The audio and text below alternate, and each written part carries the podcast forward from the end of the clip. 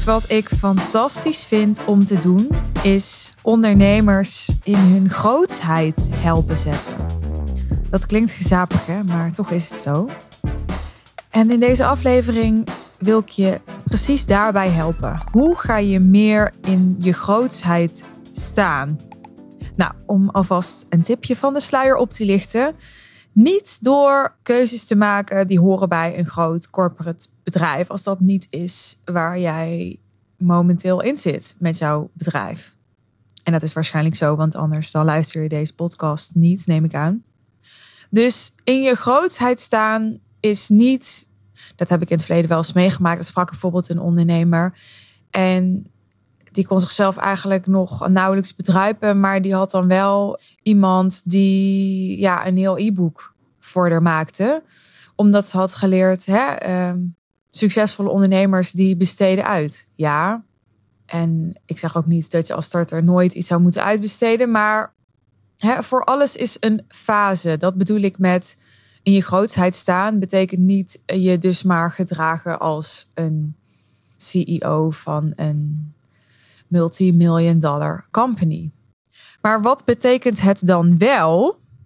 Het betekent wel heel bewust nadenken over wat de versie van jou zou doen die al tien keer zoveel verdient. Dus bijvoorbeeld je verdient nu een ton. Wat zou de versie van jou doen die al een miljoen verdient? of je verdient nu vijf ton. Wat zou de versie van jou doen die vijf miljoen verdient? Waar zou die voor kiezen? Maar ook een hele belangrijke vraag: wat zou die niet meer tolereren? Want een bekende uitspraak is: je krijgt wat je tolereert. Dus de resultaten die je haalt en het succes dat je hebt, heeft voor grote mate ook te maken met wat je nog bereid bent om op dit moment te tolereren in je leven en in je bedrijf. En de kans is groot dat als jij tien keer veel zou verdienen, dat je dan goed zou weten wat je dan niet meer zou tolereren. Ik merk nu ik weer ja, gegroeid ben met mijn bedrijf ten opzichte van een jaar geleden, dat ik nu als ik terugkijk denk, oh ja, dat waren dingen waar ik toen nog een beetje aan vasthield, die ik nu heel gemakkelijk loslaat, omdat er gewoon meer ruimte is gekomen. Hè, omdat uh, de conversie van mijn salesgesprek omhoog is gegaan. Omdat ik gemakkelijker hele goede gekwalificeerde leads krijg. Omdat klanten steeds betere resultaten halen. Dus mijn bedrijf is doorgegroeid op verschillende vlakken. Waardoor ik opeens heel goed kan zien wat ik eigenlijk een jaar geleden al prima kon loslaten. Maar waar ik op dat moment nog moeite mee had. Terwijl als je jezelf op zo'n moment, en dat kun je dus op elk moment doen, dus ook nu, de vraag stelt: hè, maar wat zou ik doen als ik vijf of acht of tien of twintig keer zoveel zou verdienen? Dan weet je waarschijnlijk heel goed het antwoord op vragen waar je nu nog een beetje over in dubio zit. En dan nog kun je je afvragen: Oké, maar op dit moment verdien ik nog niet zoveel of sta ik daar nog niet. Dus is het dan passend om op dit moment die keuze te maken? Of kan ik misschien op een andere, handigere manier hetzelfde effect bereiken zonder dat het me zoveel tijd of zoveel geld of in die mate tijd en geld kost als dat ik zou moeten investeren als ik dus tien keer zo ver was? Dus samenvattend, wat zou de versie van jou doen die al een miljoen of die al 5 miljoen verdient? En wat uit dit antwoord kun je nu al toepassen of nu al implementeren? En wat is iets waar je beter nog naartoe kunt werken? En hoe kun je dat gaan doen? Maak het heel concreet, maak het heel praktisch. Een andere manier om meer in je grootheid te gaan staan is jezelf de vraag te stellen: wat werkt op dit moment al goed voor je en hoe kun je daar meer van doen? Wat vaak gebeurt bij ondernemers is dat iets goed werkt en dat ze dan vervolgens gaan proberen om iets anders nog beter te laten werken. Heel veel ondernemers zetten iets op dat werkt en gaan dan weer iets nieuws doen. Omdat dat ook een beetje des ondernemers is. Hè? Ondernemers zijn over het algemeen goede quickstarters. Mensen die goed iets kunnen opstarten, omdat ze veel ideeën hebben en initiatief tonen en creatief zijn. Maar het zijn niet altijd mensen die even goed kunnen doorpakken of discipline aan de dag kunnen leggen of dingen kunnen afmaken. Waar helemaal niks mis mee is. Het is gewoon wat ik vaak zie, wat veel gebeurt. En waartoe ik je zou willen uitnodigen, is kijken hoe kan ik nou die creativiteit, die vindingrijkheid, die vernieuwing, die allemaal in jou zit als ondernemer, hoe kun jij die vooral gebruiken om dat wat al goed werkt te optimaliseren in plaats van weer iets nieuws te gaan doen.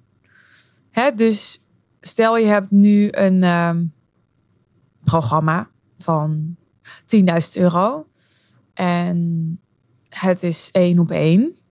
En je denkt, ja, ik wil meer opschalen. Ik verzin dit even ter plekke, dit scenario, deze casus. Je denkt, ik wil meer opschalen. Je gaat een groepsprogramma bedenken. En nou, daar heb je dan ook nog twee verschillende varianten van, van het groepsprogramma. Want je wil twee verschillende service levels aanbieden. En nou, je snapt een beetje waar dit heen gaat. Zo wordt het al snel complex. Voor je het weet heb je allemaal dingen naast elkaar. Verschillende dingen om te marketen. Het is allemaal niet verkeerd, allemaal niet slecht. Maar zolang je nog niet helemaal tevreden bent over de resultaten die je haalt, zou mijn advies zijn: ga het minimaliseren.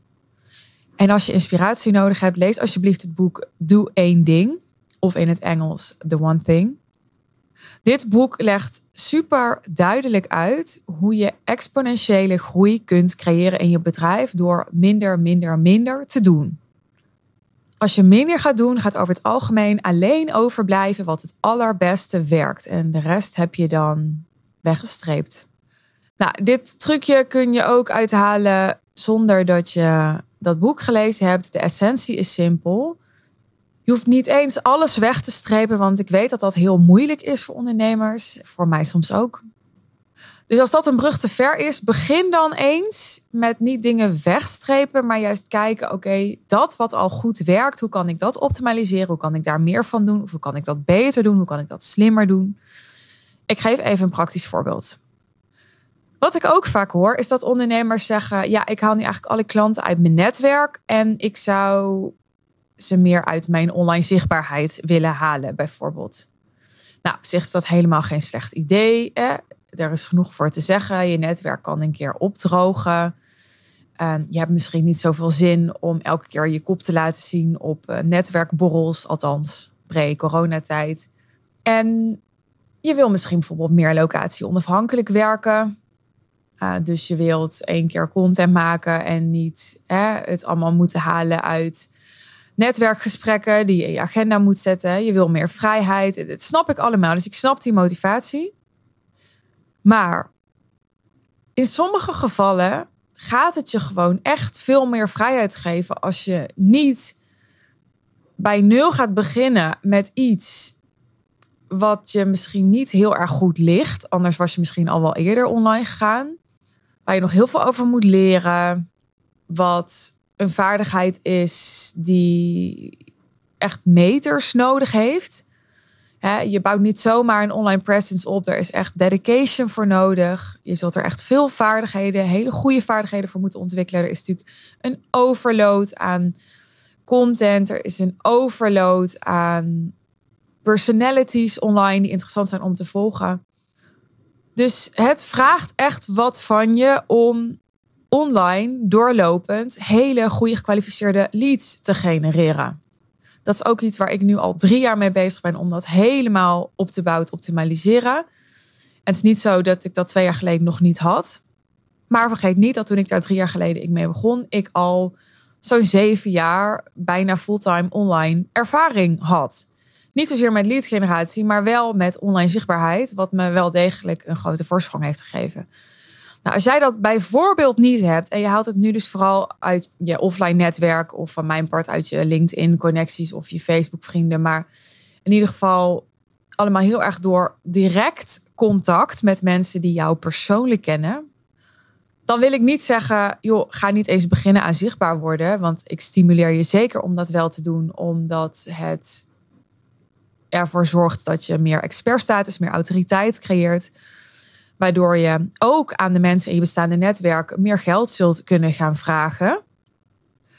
Maar als het je te doen is om vrijheid, als het je doen is om een simpel bedrijf waarin je veel leverage hebt, dus waarin je in minder tijd meer kunt verdienen, dan zou mijn advies zijn: als het jou al lukt om uit je warme netwerk een goed inkomen te verdienen, ga dan kijken hoe je dat kunt optimaliseren. Dus hoe je dat kunt blijven doen, maar bijvoorbeeld op zo'n manier dat het minder tijdrovend is. dus ik noem maar even iets: ga iets organiseren. En vraag de mensen uit je netwerk die komen om iemand uit hun netwerk mee te nemen, zodat jouw netwerk wordt vergroot. Een super simpele strategie, maar wel één die je zomaar weer uh, het dubbele aantal klanten kan opleveren, waardoor je bedrijf supergoed groeit. Zonder dat je daarvoor heel veel hebt moeten doen of zonder dat je daarvoor een hele nieuwe marketingstrategie hebt moeten aanboren. Wat heeft dit nou te maken met in je grootsheid staan? Dat in je grootsheid staan voor mij betekent om je echt te committeren aan je ambitie, aan je missie, aan je doelen. En dus zoveel mogelijk probeert om alle busyness, dus alle dingen waar je wel heel druk mee kunt zijn, maar die niet effectief heel veel opleveren, die te elimineren. Dat is voor mij grootheid. Dat je gaat doen wat ertoe doet. En dat is per definitie wat er gebeurt als je meer gaat doen van wat al goed werkt. Want wat al goed werkt, dat doet ertoe. Snap je wat ik zeg? Volgende manier om meer in je grootheid te gaan staan is jezelf behandelen als een 1 million dollar racehorse. Hele belangrijke. Hoe kunnen anderen nou jouw grootheid gaan zien? En hoe kan jij nou in jouw grootheid gaan staan als jij onderaan jouw eigen prioriteitenlijstje komt? Het is super dom om dit te doen. Ik weet dat er voor mijn gevoel een soort nobele sfeer hangt onder jezelf maar wegcijferen en, en anderen voor laten gaan en vooral altijd voor anderen klaarstaan. He, dat wordt altijd genoemd als een soort positieve eigenschap aan mensen. Maar dan tegelijkertijd, ja, het is wel zijn valkuil of het is wel haar valkuil om dat te doen. Maar het is net zoiets als dat je een sollicitatiegesprek hebt en zegt: Ja, mijn, mijn slechte eigenschap is perfectionisme. Dat is echt zo'n slechte eigenschap waarvan iedereen eigenlijk vindt dat het een goede eigenschap is. Snap je? Want perfectionisme geeft vooral aan dat je zo'n oog hebt voor detail en dat je het allemaal zo graag goed wil doen. En dat is zo nobel. Nou, datzelfde geldt voor jezelf wegcijferen, anderen op de eerste plek zetten. Heel goed voor anderen zorgen, er altijd voor anderen zijn. Dat wordt in onze maatschappij, naar mijn idee, heel erg gezien als nobel. Maar dat is het helemaal niet. Surprise, want ik denk echt, mijn overtuiging, jij kunt er pas echt zijn voor anderen als jouw bedrijf, als jouw leven overstroomt van tijd, geld, energie. En dat gaat pas gebeuren op het moment dat jij eerst jezelf prioriteit maakt. Het is net als in het vliegtuig. Eerst zelf je zuurstofmasker opzetten en dan pas die ander helpen. Als het erop aankomt, en dat gaat het als je in het vliegtuig het zuurstofmasker op moet zetten, dan is het helemaal bullshit en super dom om een ander eerst te gaan helpen. Nou, grootsheid, dat is de versie die jij bent als het erop aankomt. Als er geen ruimte meer is voor bullshit, maar als je alleen nog dat gaat doen wat er echt toe doet, wat ik net al zei. En dat wat er echt toe doet, is dat zoals je zou handelen, zoals je ook in een noodsituatie handelt, en dat is dat jij jezelf bovenaan je prioriteitenlijst zet. Jezelf behandelt als die 1 million dollar racehorse. Jij bent de belangrijkste, meest waardevolle schakel in het bedrijf.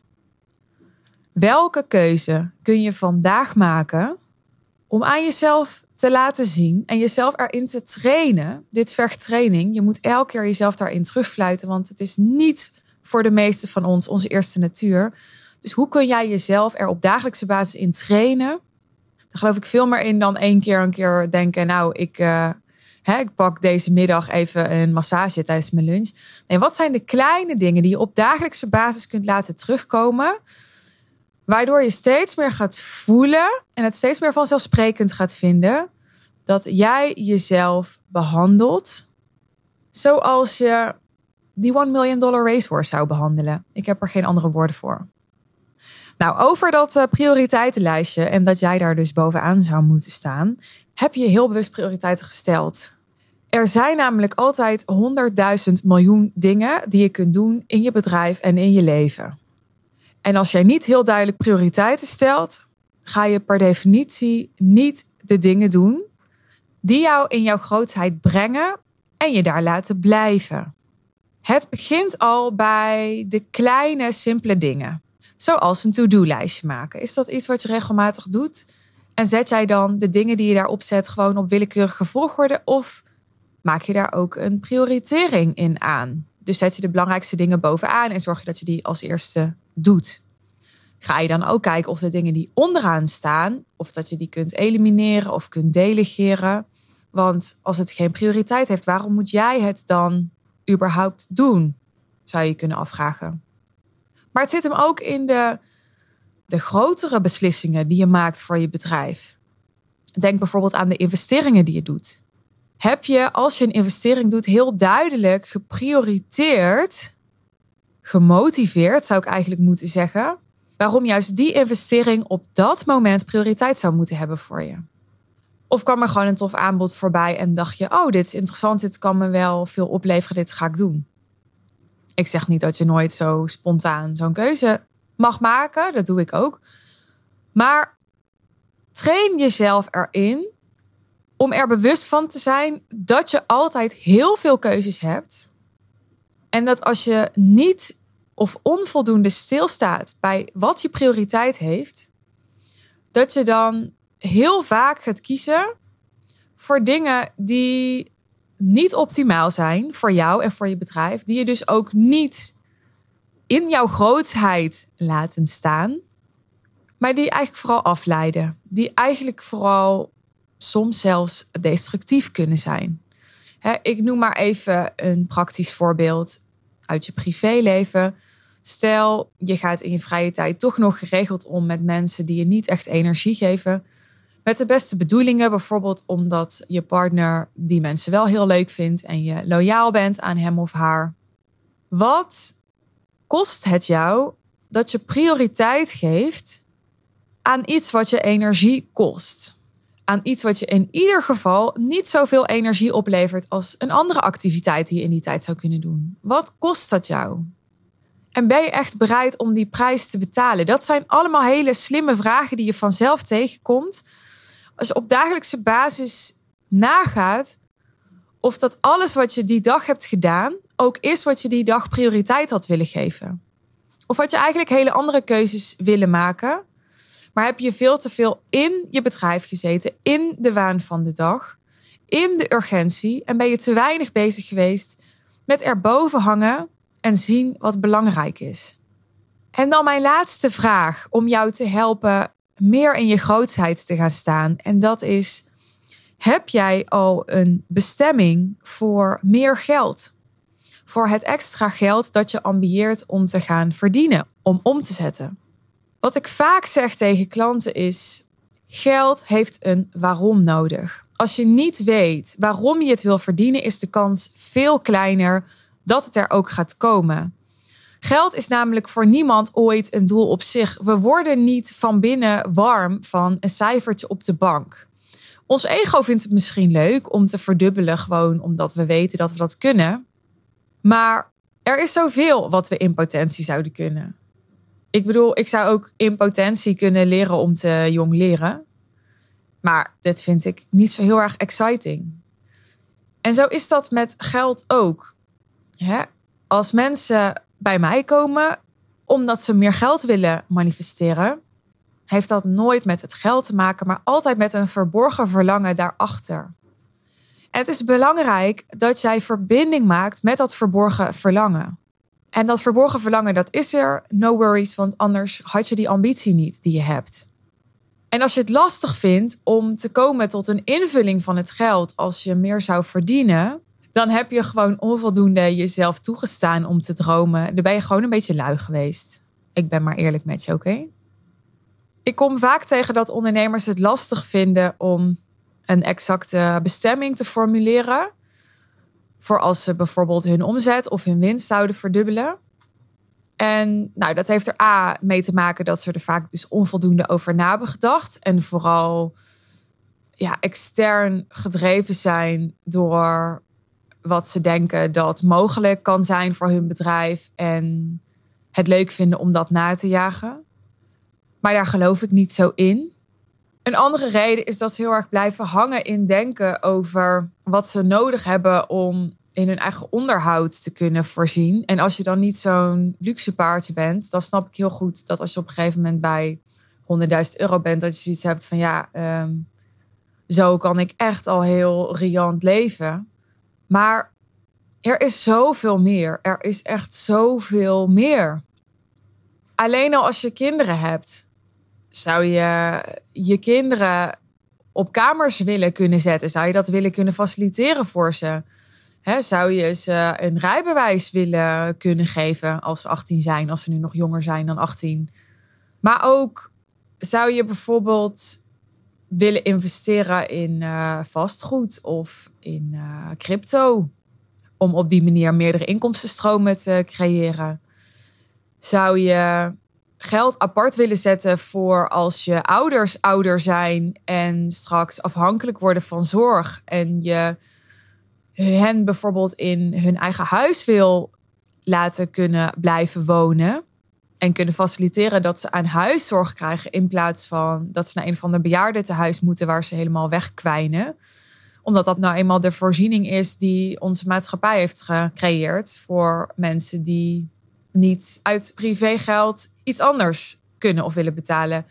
Snap je wat ik wil zeggen? Als je even iets meer je best doet, dan zijn er zoveel mooie doelen en bestemmingen die je kunt hebben, die jou, jou specifiek aan het hart gaan, dat ik het bijna onvoorstelbaar vind als je denkt, nou ja, 100.000 euro is ook wel prima.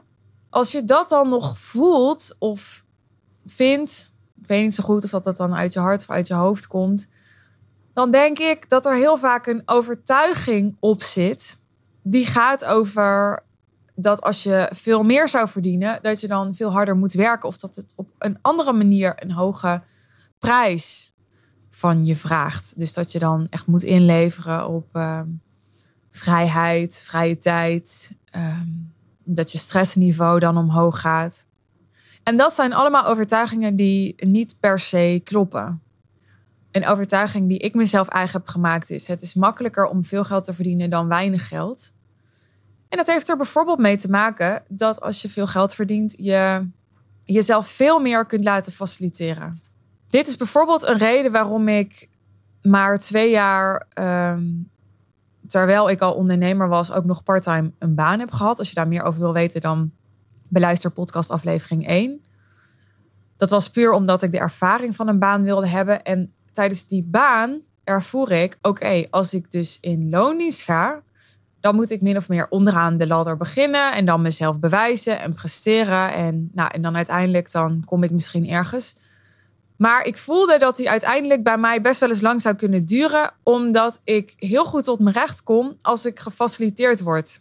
Dus als ik een assistent heb en ik heb een schoonmaakster en ik heb een uh, coach die me begeleidt en ik heb iemand die me helpt met sales, met marketing, met alles eigenlijk. Ik ben enorm voor hulpvragen. Als ik me daarin gefaciliteerd voel, zodat ik het beste tot mijn recht kan komen, dan ga ik helemaal floreren.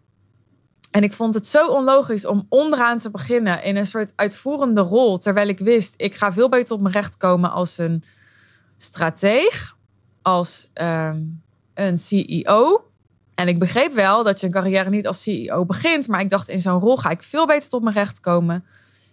En dat is een hele belangrijke reden waarom ik toen vrij snel alweer met die baan ben gestopt en weer fulltime ben gaan ondernemen. Omdat ik dacht, dan ga ik mijn eigen CEO-rol wel creëren. Nou, ik ben een beetje afgedwaald van de vraag: heb jij al een bestemming voor het extra geld dat je wil verdienen? Maar wat ik maar wil zeggen is: ik kom bijna nooit een ondernemer tegen die al volledig is gefaciliteerd om helemaal tot zijn recht te komen. Dus als je het lastig vindt om heel concreet te maken waar je het extra geld dat je wilt verdienen aan zou besteden, ga dan simpelweg na hoe zou ik nog beter gefaciliteerd kunnen worden als mens en als ondernemer, waardoor ik beter tot mijn recht kom en waardoor mijn productiviteit en effectiviteit drastisch omhoog gaat. Ik hoop weer dat deze aflevering je heeft geholpen. Reageer gerust, vind ik superleuk. Stuur me even een DM via Instagram bijvoorbeeld. Dan weet ik dat je hebt geluisterd en dan kunnen we het er nog even over hebben. Wat was een moment dat jij enorm in je grootsheid stond? Daar ben ik benieuwd naar. Als je me dat zou willen laten weten, zou ik heel leuk vinden. En hoe kwam dat? Wat is daaraan vooraf gegaan? Welke keuze heb je gemaakt? Welke beslissing had je toen genomen?